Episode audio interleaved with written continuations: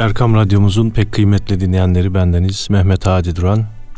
Bir İlahi Nefesler programımızda daha sizlerle birlikteyiz efendim.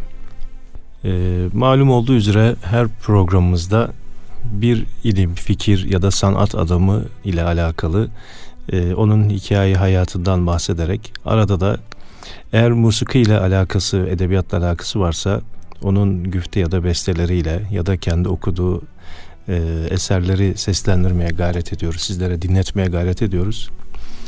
Bazen de e, ilim ve irfan sahibi büyüklerimizin hikmetli sözlerinden, onların yine örnek hayatlarından sizlere bazı kesitler sunmaya gayret ediyoruz.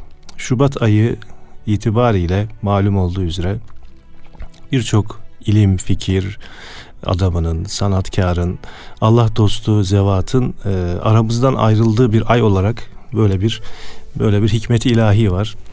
E, bu, bu haftaki programımızda e, Şubat ayında e, alemi e, Rahman'a göçen Şeyh Şamil'den bahsetmeyi planlamıştım fakat e, birkaç gün önce e, vefat eden değerli ilim adamı Emin Saraç Hoca Efendi hakkında bir program yapma ihtiyacı hasıl oldu malum olduğu üzere. Evet, bu değerli ilim ve fikir adamımız, değerli büyüğümüz, değerli Hoca Efendi hakkında e, birçok şeyler yazılacak, söylenecek, anlatılmaya gayret edilecek. Ben de e, bugünkü programımı e, kendisine ayırmaya çalışacağım, gayret edeceğim. Ve onun bir dergide, Rehan dergisinde yayınlanmış olan bazı makalelerden sizlere iktibaslar yapacağım efendim. Ama öncesinde bir eser dinleyelim. Ondan sonra da programımız başlasın inşallah.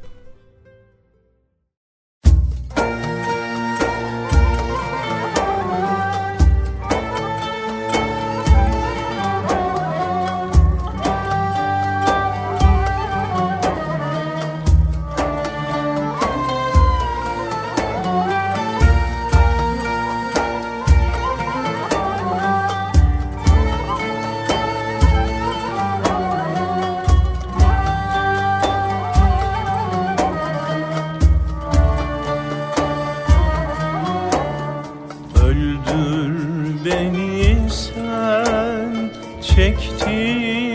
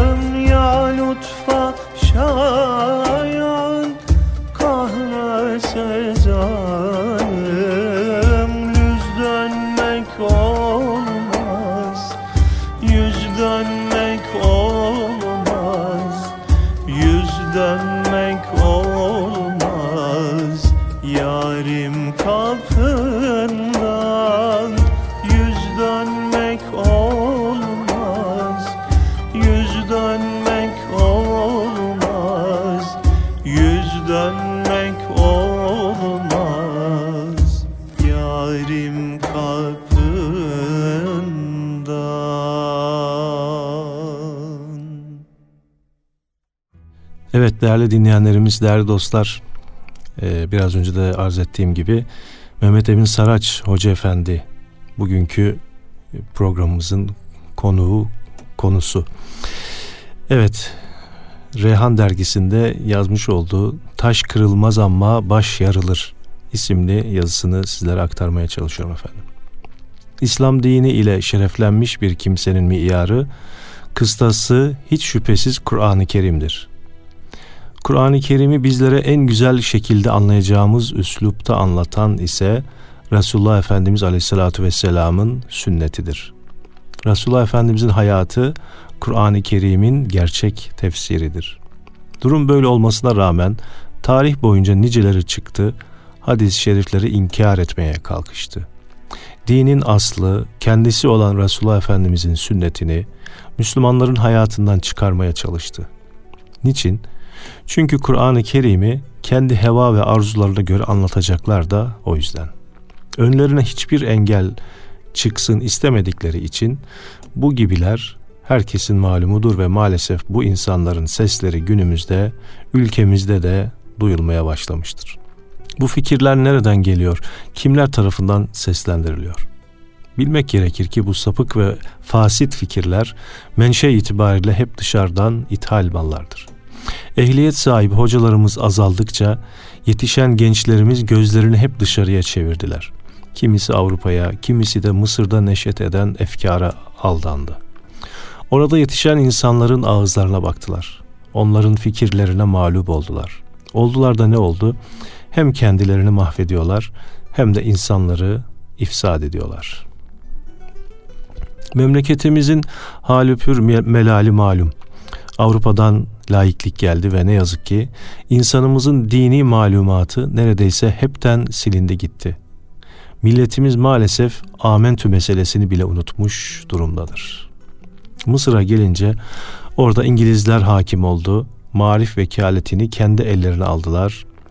Lord Cromer marif vekilliğine getirildi. O sırada İngiltere orada bütün mefsedetleri teşhir etmişti. İnsanların ahlakı, dini hayatları değişti. Zahid Efendi İngilizlerin Mısır efkarına tesirinden zaman zaman bahsederdi. Maalesef oraya sokmayı başardıkları müfsit fikirler ülkemize de sirayet etti.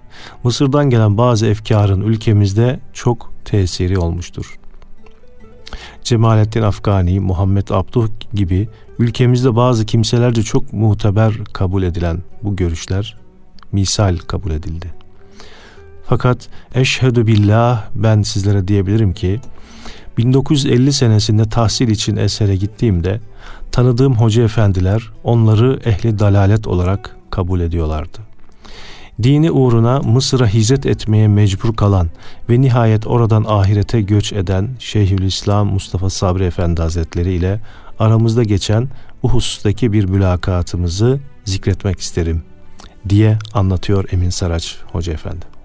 Efendi Hazretlerinin vefatına dek Mısır'da bulunduğum müddetçe her cuma kendilerinin ziyaretine gittim. Samimice konuştum. Hemşerisi olmak hasebiyle de olsa gerek Efendi Hazretleri bizlere çok iltifat ederlerdi. Allah rahmet eylesin. Onlar gerçek hoca efendilerdi. Ahlaklarıyla, halleriyle, ilimleriyle, tevazularıyla Hoca Efendi isminin müsemması kimselerdi. Bir defasında Mustafa Sabri Efendi Hazretlerine şöyle sormuştum. Hocam siz Muhammed Abduh'tan takdirle bahsetmiyorsunuz. Fakat eserlerinizde onun için üstaz imam ifadelerini kullanıyorsunuz. Mustafa Sabri Efendi şöyle cevap verdi. Evet insanlar ona öyle ünvan vermişler. O sebeple ben de öyle diyorum. Fakat onun için hiç rahimehullah dediğimi gördün mü? Kendisine rahmet okumama sebebini ise şöyle anlatır. İstanbul'dan Mısır'a gönderilen Kadı Yahya Efendi isminde fazilet ve istikamet abidesi meşhur bir alim vardı. Yahya Efendi Muhammed Abduh ile sık sık görüşürmüş. Bu mülakatların birinde mevzu sıfatı sübhani meselesine gelmiş. Yahya Efendi Abduh'un fikirleri karşısında şaşırmış. İtikada muhalif kanaatlerini düzeltmeye çalışmış fakat o düzelttikçe Abduh ısrarcı olmuş. Yahya Efendi o günden sonra Abduh ile o görüşmeyi istemedikçe bir araya gelmemeye çalıştığını ifade ederdi. Efendi Hazretleri bu hadiseyi anlattıktan sonra ben Yahya Efendi'nin sözü neyse onu kabul ederim derdi. Mustafa Sabri Efendi'nin yanlış karşısında susmamasının bir misali de Musa Carullah Bigiyefe reddiye olarak yazdığı Yeni İslam Müçtehitlerinin Kıymeti İlmiyesi isimli eseridir. Dikkatle okunması gereken bir eserdir bu. Bugünkü gençlerimiz böyle eserleri ihmal etmemelidir.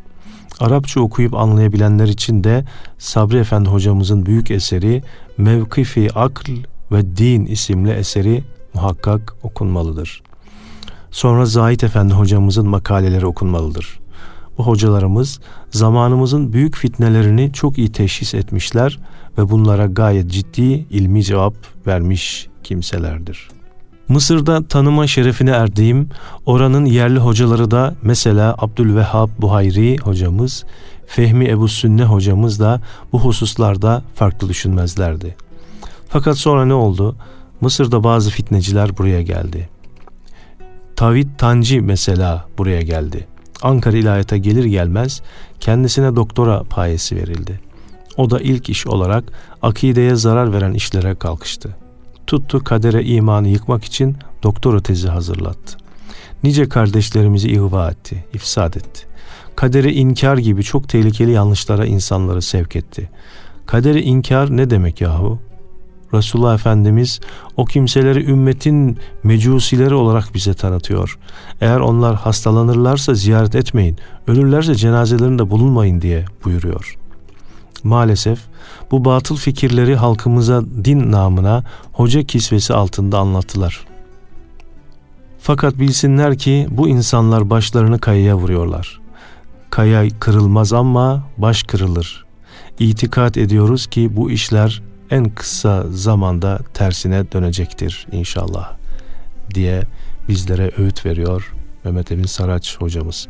Efendim şimdi bir eser dinleyelim ve hocamızla sohbetimiz devam etsin inşallah.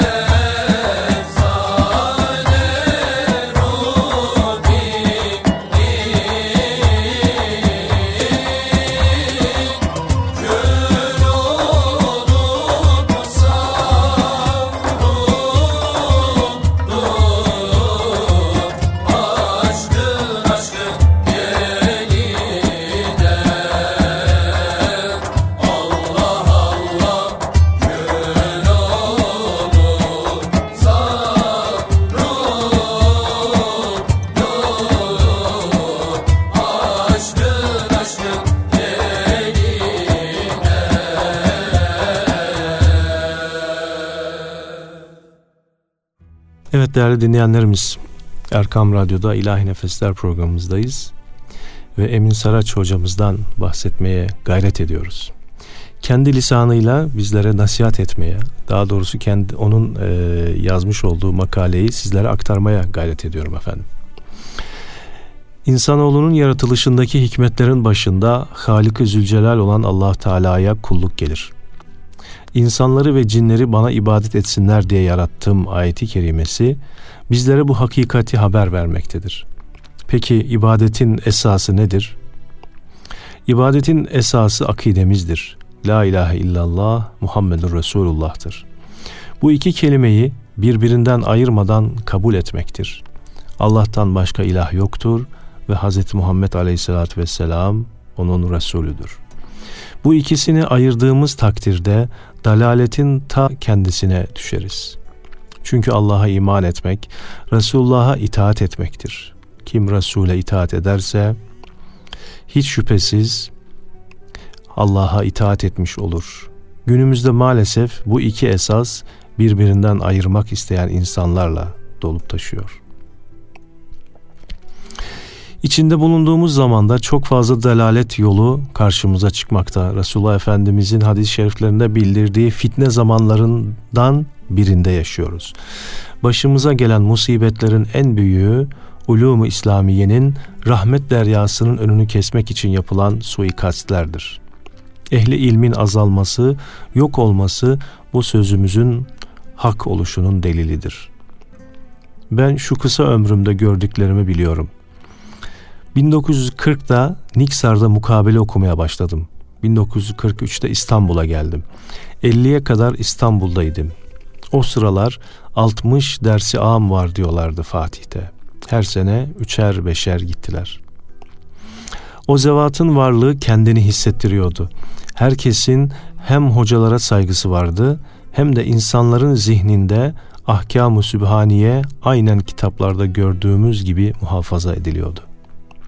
Fatih Camii Şerifinde kayyımları düşünüyorum da onlardaki takva ne seviyedeydi? Şöyle bir hatırlayalım. Baş kayyım merhum Süleyman Efendi hocamız hadisi şeriften mucaz ve icazet veren bir kimseydi. Çok mübarek bir insandı. Bir defasında tahdisi nimet kabilinden caminin her tarafında teheccüd namazı kılmak nasip oldu dediğini hatırlıyorum. Eskiden bir anane vardı. Müezzinler, kayımlar camide gecelerlerdi. Hoca efendi her gece cami içindeki kuyudan su alır ve hünkâr mahfilinde gusledermiş. Ardından bütün saflarda sırasıyla namazını kılarmış. İlmi yanında bu takvası neticesi Mustafa Asım Efendi gibi büyük alimler gelip kendisinden icazet alabilmek için önünde okumuşlardır. Fatih Camii'nin bir kayyımı da Aksakallı Mehmet Efendi. Vefat ettiği gün evinden çocukları gelip babamızın dolabı nerededir diye soruyorlar. Yukarıki kattadır diye gösteriliyor. Gelip orayı açıyorlar. Orada ufak ufak torbalar içerisinde caminin tozları varmış. Alıp götürüyorlar. Çocuklarını toplamış, benim orada torbalarım var. Onları öldüğüm zaman kefenimin üzerine dökeceksiniz diye vasiyet etmiş. Böyle muttaki kimselerdi onlar. İşte bizim diyarımızın cami erkanı bunlardı. İmamlar zaten bambaşka bir alemdi. Alim, ilimlere vakıf kimselerdi. Bunların hepsinde Resulullah Efendimizin bildirdiği kıyamet alametlerinin birine ilmin ref olmasına kalkmasına şahit oluyoruz. Daha nice nice haberleri yaşıyoruz günümüzde. Hadis kitaplarındaki fiten bölümünü okuyanlar bunları bilirler. Bizim içinde bulunduğumuz vaziyet maalesef budur. İşte böyle bir zamanda Resulullah Efendimizin şu sözüne dikkat etmeliyiz. Size iki şey bıraktım ki onlara yapıştığınız takdirde asla dalalete düşmezsiniz, sapmazsınız, cennete ulaşma yolunuz kapanmaz. Kitabullah ve sünneti Resulullah. Peygamberimiz adeta ben dünyanızdan ayrılıyorum ama dünyadan ayrılırken sizi başıboş bırakmıyorum buyuruyor. Bugünkü Kitabullah ve Sünnet-i Resulillah'ı hakkıyla anlayan, anlatan maalesef çok azalmıştır. Hatta yok olmuştur desek yalan olmaz. Bunun farkında olalım. Öteden beri eski ulemamız kıyamet fitnelerinden insanları tahzir etmişlerdir. Hele 30 tane deccal olacaktır diye haber vermişlerdir ki bu deccallerin de çeşitleri vardır. Biz bu deccallerin hangi çeşidi, hangi devresinde yaşadığımızı da bilmemekteyiz. Fakat bilelim ki bir deccal devresinde yaşıyoruz. Hangi anda noktalanacağını bilemediğimiz şu fani hayatımızın selametle sonuna ulaşabilmemiz ve kitap ve sünnet yolunda müteallik hususlara dikkat edelim ki bu yolda çocuklarımızı da yetiştirelim. Aile efradımızı bu esaslar üzerine terbiye edelim. Allah Teala hepimize basiret, feraset versin. Namazımızı kılmak ve Kur'an'ımızı muntazam surette okumak hususlarını ihmal etmemeye ve Kitabullah, Sünneti Resulillah yoluna takip edecek meclisleri ve insanları ihmal etmemeye azami gayret sarf edelim. Bu meclisleri takip eden, ilim yoluna girmiş bulunan bütün genç kardeşlerime, talebe kardeşlerime temennilerim, tavsiyelerim şudur ki, ilim yolu peygamberler yoludur. Bu yol saadetin yegane yoludur. Ve bu yolun esası ehli sünnet akidesidir. Ehli sünnet akidesi Enbiya-i İzam'ın müselselen takip ettiği, nihayet Resulullah Efendimiz'de şahikaya ulaşan en mükemmel ve en muazzam bir yoldur. Bu yoldan ayrılmamak için gayret etsinler. Bazı kimselerin yaptıkları gibi şefaat yoktur diyerek konferanslar vermek yahut kabir azabı yoktur diye ahkam kesmek veyahut İsa aleyhisselamın nüzulünü inkar etmek, cin yoktur, icma yoktur şeklinde ifadeler kullanmak, bilsinler ki bu ifadelerin hiçbir ehli sünnet akaidine muvafık sözler olmadığıdır. Efendim yine bir eser dinleyelim ve programımız devam etsin inşallah.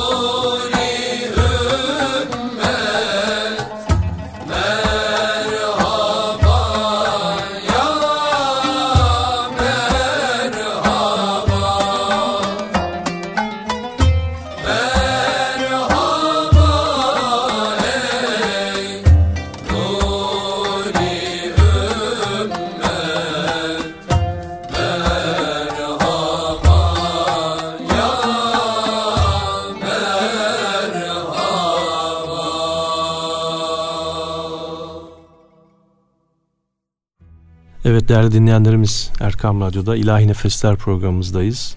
Emin Saraç hocamızın e, Reyhan dergisinde yazmış olduğu e, makalelerden sizlere yine e, bir bölümü aktarmak istiyorum.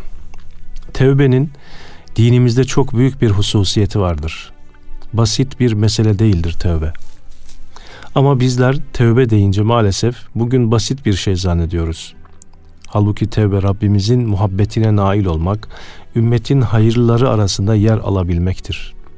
Peygamber Efendimiz Aleyhisselatü Vesselam bizlere hitaben buyuruyorlar ki, Küllüküm hattaun. Sizler hepiniz çokça hata eden kimselersiniz. Ve hayrul hatta'in ettevvabun. Hata edenlerin en hayırlısı ise tevbe edenlerdir. Başka bir hadis-i şerifte de Resulullah Efendimiz şöyle buyuruyor. Nefsim yedi kudretinde olan Allah'a yemin olsun ki siz hiç günah işlememiş olsaydınız Allah Teala sizi yok eder, yerinize günah işleyip Allah'tan bağışlanma dileyecek bir millet getirir de onları bağışlardı. Demek ki bizler için esas olan hatalardan vazgeçmek, tevbe edip günahlarımızdan arınmaktır. Zira günahlarımızdan arındıkça kalbimizdeki iman nuru, nuru parıldamaya başlayacaktır. Ve nihayetinde de tevbe ede ede Rabbimizin sevgisine, rızasına nail olacağız. İnna Allaha yuhibbut tevvabin. Muhakkak ki Allah tevbe edenleri sever, onlardan razı olur müjdesine nail olacağız. Tevbenin ehemmiyetini, gerekliliğini bilmek için Resulullah Efendimizin şu ifadeleri yeterlidir aslında. Ey insanlar! Allah'a tevbe ve istiğfar ediniz. Zira ben günde yüz defa tövbe ederim. Halbuki peygamberler ismet sıfatının sahibidirler. Bizim günaha meyleden hallerimiz onlarda yoktur. Allah Teala onları çocukluk hallerinden itibaren hıfz-ı eman buyurmuştur. Onlar günahsızdırlar. Enbiya izam hakkında bir Müslümanın imanı, itikadı budur. Efendim öyleyse peygamberler bizim için kirlerden, paslardan yıkanacak da değiller ya, o zaman zikrettiğimiz hadis-i şerifi nasıl düşüneceğiz? Şöyle düşünebiliriz. İstiğfar onlar için terfi derecattır. Yüksek makamlarının daha da artması içindir. Peygamberlerin istiğfarı takarrube vesile içindir. Bir de malum peygamberler bizler için örnektir, rehberdir. Bizler ne yapacağımızı, nasıl yapacağımızı hep onların harekatından öğreniriz. Onlar istiğfar etmeselerdi biz istiğfarı nereden öğrenecektik?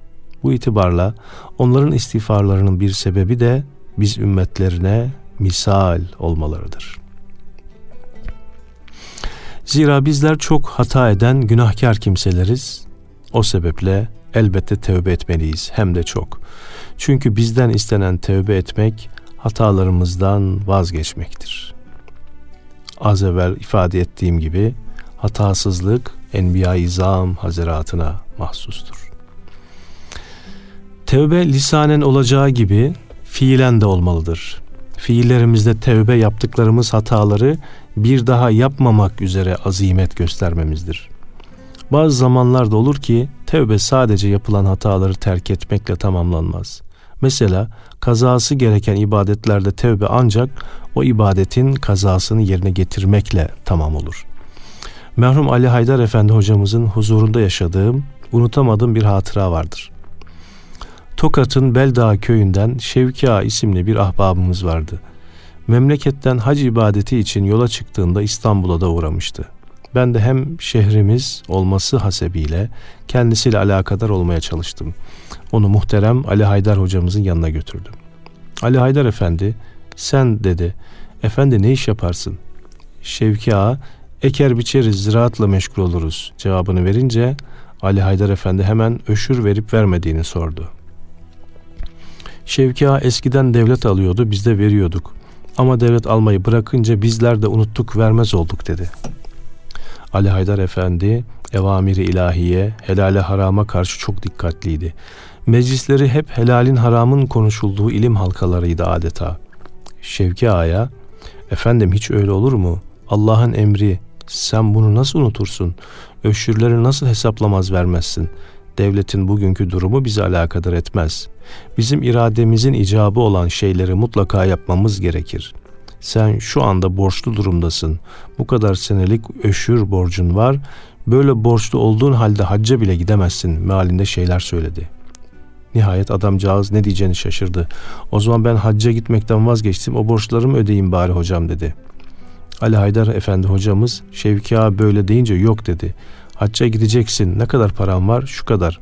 O paraları orada sarf ederken öşürden de kendi hesabına ne kadar buğday çıkarıyorsa onu hesap edersin. Ondan sonra gelince de öşürünü vereceksin. Şevki ağa derdi ki hacdan gelince hemen öşürümü ödemeye başladım. Ondan sonra malım çok bereketlendi.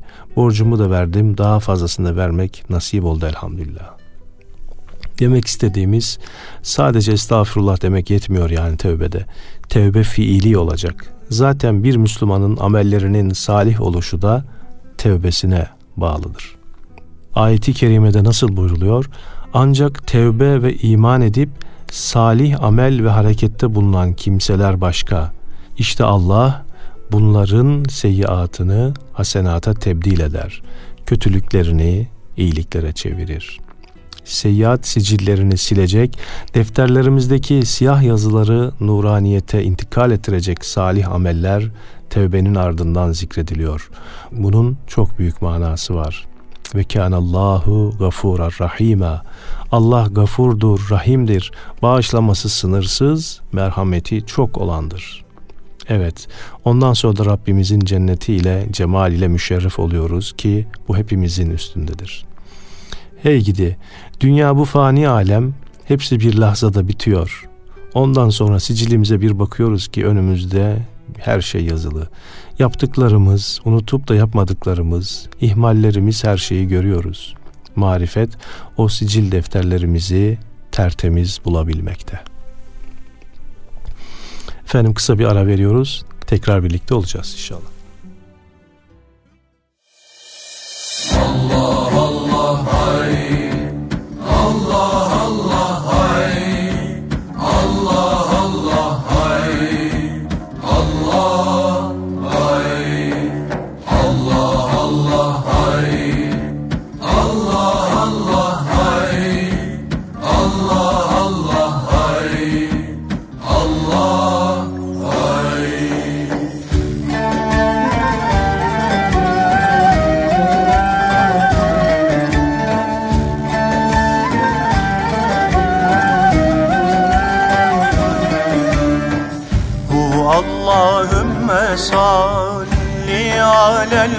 Mustafa Hu Allahümme salli alel Mustafa.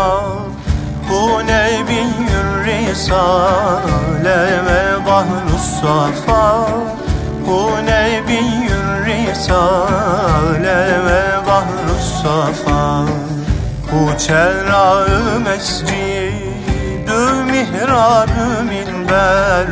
Bu çerrağı mescidü mihrabı minber Bu Ebu Bekir Ömer ya Osman ya Hayder Bu Ebu Bekir Ömer ya Osman ya Hayder Bu Allahümme salli alel Mustafa. Bu Nebiyyül Risale ve bahru safar Bu çerağı mescidü mihrabü minber. Bu Ebu Bekir Ömer ya Osman ya Hayder Bu Ebu Bekir Ömer ya Osman ya Hayder Allahümme salli ala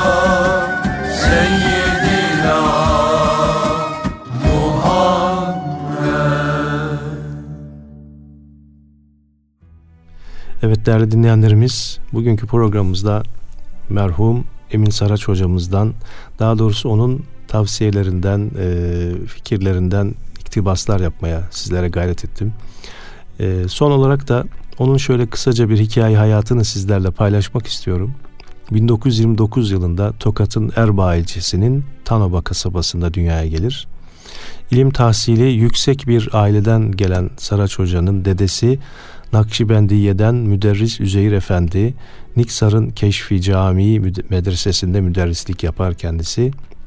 Dedesinin yanında 6 yaşında Kur'an-ı Kerim'i hatmederek hafızlığa başlar. 1940-43 yıllarında Niksar ve Merzifon'da mukabeleler okur.